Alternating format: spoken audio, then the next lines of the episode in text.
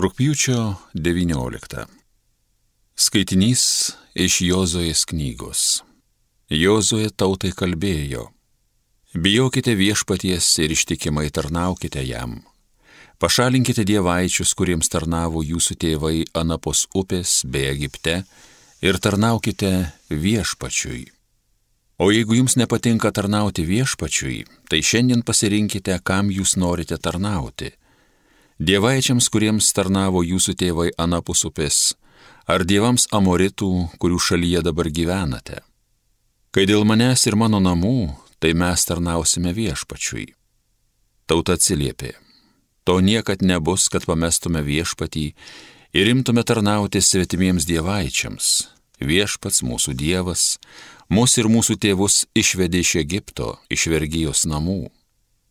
Jis mūsų akise padarė tuos didžius stebuklus ir saugojo mus visame kelyje, kurį mes nuėjome, tarp visų tautų, per kurias prakeliavome. Ir viešpats pavarė visas tautas, kaip ir amoritus, kurie šiam krašte gyveno prieš mus. Todėl tad ir mes tarnausime viešpačiui, nes jis mūsų Dievas. Tuomet Jozoje tautai kalbėjo. Bet jums nesiseka viešpačiui tarnauti, nes jis yra šventas Dievas, pavydintis Dievas, kuris nedovanos jums nusikaltimų ir nuodėmių.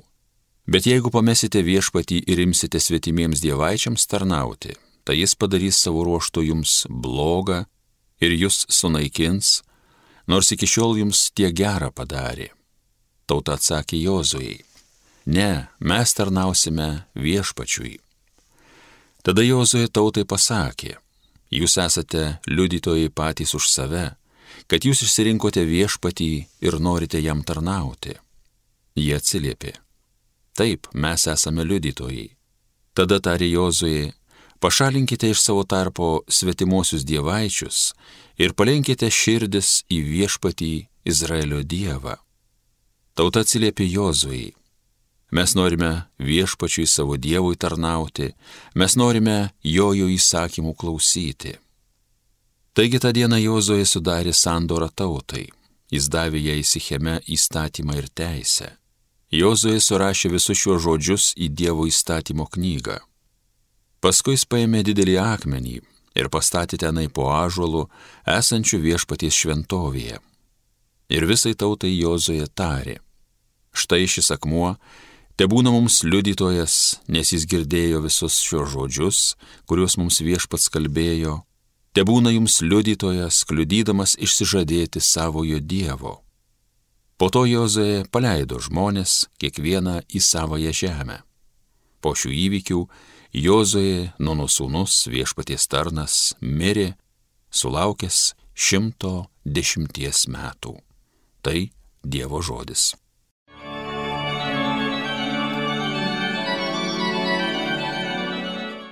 Viešpatie, tu mano paveldėtas turtas. Globok mane Dieve, prie tavęs aš glaudžiuosi. Kartoju tau Dieve, tu mano viešpats. Viešpatie, mano paveldėtas turte, taurė mano laimės, tavo rankoje mano likimas. Viešpatie, tu mano paveldėtas turtas. Aš šlovinu viešpatį, kuris man išmintį duoda, atsimena mano širdis tai net naktį Akise nuolatos viešpats man stovi, jis mano dešinę remia, aš nedrebėsiu. Viešpatie, tu mano paveldėtas turtas. Man rodysi kelią, kuris į gyvenimą veda, pilna man bus laimė prieš tavo veidą, tavo dešiniai bus per amžius linksmybės. Viešpatie, tu mano paveldėtas turtas. Alleluja.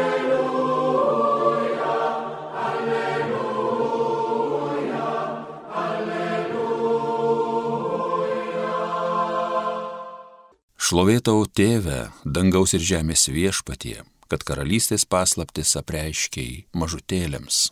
Alleluja, alleluja, alleluja. Iš Ventosios Evangelijos pagal matą. Anuomet atvesta pas jį vaikų, kad uždėtų rankas ant jų ir pasimelstų. Mokiniai draudė Bet Jėzus tarė, leiskite mažutėlius ir nedrauskite jiems ateiti pas mane, nes tokių yra dangaus karalystė. Ir uždėjęs ant jų rankas jis keliavo toliau. Tai viešpatie žodis.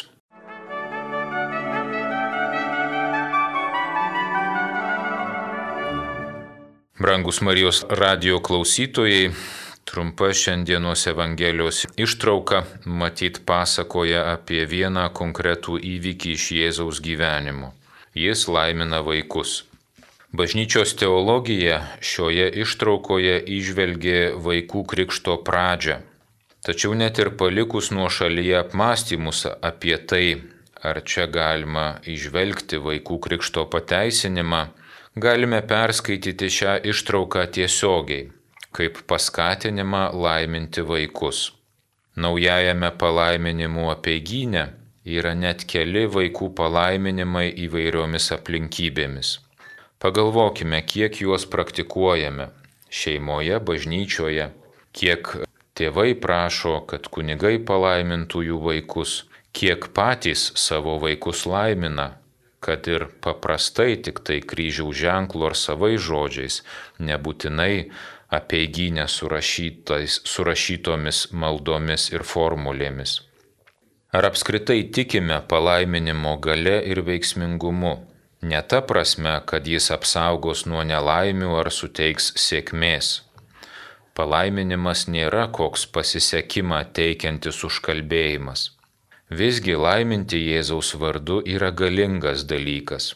Ir man regis, šiandienos Evangelija paprasčiausiai tam kviečia.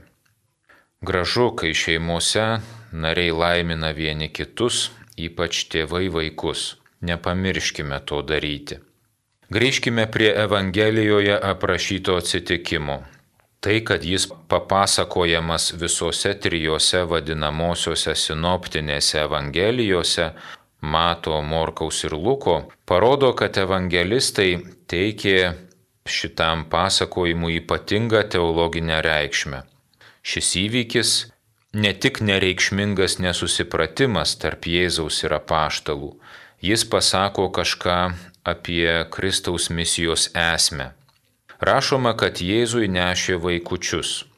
Nepasakyta, kas juos nešė ar vedė, bet galime nesunkiai numanyti. Turbūt tą darė motinos. Tačiau neveikiamoji veiksmažodžio rūšis šventajame rašte dažnai numano ir Dievo veikimą. Žinoma, kad tuos kūdikius nešė mamos, tačiau kartu ir Dievas. Motinos vedė ir nešė savo vaikus pas Kristų, paskatintos ir įkvėptos paties Dievo.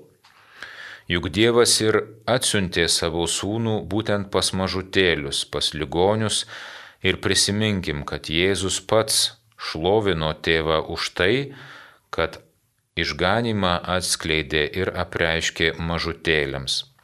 Šiandienos Evangelijoje rašoma, kad mokiniai draudė atvesti vaikus prie Jėzaus. Lietuviškai iš tiesų tai išversta gana švelniai. Originalo kalboje čia vartojama žodis, kuris reiškia griežtą ar net piktą pavarimą šalin. Tas pats žodis vartojamas ir tada, kai aprašoma, kaip Jėzus išvarinėja demonus, kaip gena juos šalin. Nežinom ir galim tik spėlioti, kodėl apaštalai taip varė vaikus šalin. Gal rūpinosi Jėzaus poilsiu, nes matė, kad jis jau pavargęs, gal patys buvo pervargę ir jiems paprastai šnekant nebelaikė nervai. Ar ir visiems žmonėms taip nepasitaiko? Gal vaikų mamos buvo per daug įkyrios ir lindo prie Jėzaus jokių ribų nei mandagumo minimumo nepaisydamos. Turbūt žmogiškų tokio elgesio priežasčių galėtume teoriškai prisigalvoti įvairių. Ir visos tos priežastys gali būti ir pagrįstos, ir neteisingos. Tačiau gal verčiau nereikėtų ieškoti, kuo čia apkaltinti apaštalus, kad štai jie buvo nejautrus ir gynė šalin motinas su vaikučiais. Manau, šis tekstas kviečia gilesniam dalykui nei kitų kalties ieškojimas. Jis kviečia atrasti savyje vaiką, Dievo vaiką. Tekste minimas žodis reiškia ne paauglius, o būtent mažus vaikus iki septyniarių metų. Tokiais ir mes kviečiami pasijusti ir būti Dievo akivaizdoje. Juk tokių yra dangaus karalystė. Ir anot Jėzaus, kas netaps tokiu vaiku, tas į dangaus karalystę neįeis. Ir psichologai sako, kad kiekviename iš mūsų glūdi vaikas, kuris vaikystėje gal kažko negavo, kažkada nebuvo paglostytas, tinkamai įvertintas, paguostas, pamylėtas. Tokį vaiką esu pakviestas savyje atrasti. Esu pakviestas atrasti savyje ir Dievo vaiką, tą, kuris išsilgęs Dievo, išsilgęs Jo meilės, Jo palaiminimo, Jo paglostimo, Jo dėmesio ir Jo apkabinimo. Esu pakviestas tokį vaiką savyje atrasti ir tokį vaiką atnešti Jėzui, kad Jėzus jį palaimintų. Ar leidžiu savo tai daryti? Ar nesielgiu aš su savo vidiniu Dievo vaiku, kaip apaštalai su tais vaikais? Ar nenuveju pats savęs nuo Dievo? Ir jei taip, dėl kokių priežasčių? Kodėl vėju save tolyn nuo Dievo? Gal bijau jam įkyrėti? Gal manau, kad jis per daug užsiemęs ir man neturi laiko? Arba kad jau pavargęs nuo mano norų ir ypač nuo nuodėmių ir neištikimybių ir todėl geriau jam iš visą kyse nesirodyti? Taip kaip kažkuo nusikaltę kartais bijodamom vaikystėje pasirodyti vyresniesiems Ir jeigu nedrįstu pats savęs Jėzui atnešti, ar bent kitiems leidžiu tai daryti. Juk Evangelijoje vaikučius Jėzui nešė, jie ne patys ėjo. Gal mane gali nešti maldoje mano artimieji, mano bendruomenė, bažnyčia. Ar paprašau ir leidžiuosi, kad Dievui būtų bent jau kitų, jeigu ne mano paties atneštas mano vidinis Dievo vaikas. Lygiai taip šioje Evangelijoje galime rasti ir kitą kvietimą. Gal esam kviečiami susitapatinti su tomis ar su tais, kurie tuos vaikus Jėzui neša.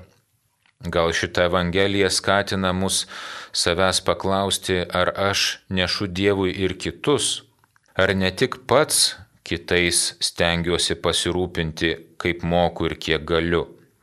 Nebejotina ir šitos motinos iš Evangelijos savo vaikais visapusiškai rūpinosi. Tačiau taip pat suprato, kad negali savo vaikams duoti visko, ko jiems reikia. Negali duoti to, ką gali duoti tik Dievas.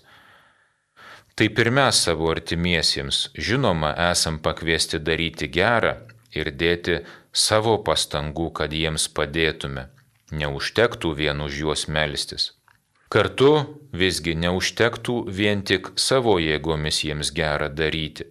Esam pakviesti ir už savo artimuosius melstis ir nešti juos pas Jėzų, nes tikrai ne viską galim duoti patys.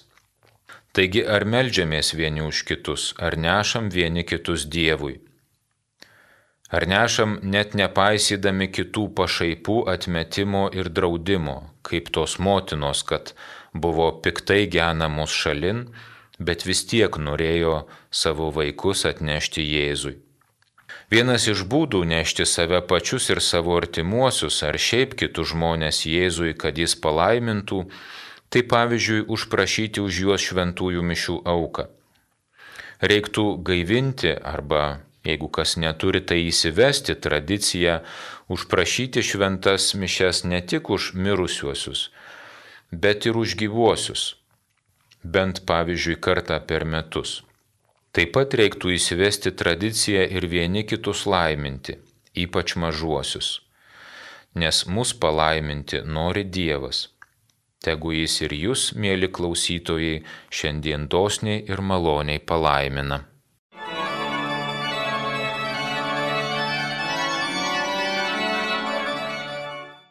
Evangeliją skaitė ir homiliją sakė kunigas Žydrūnas Vabolas.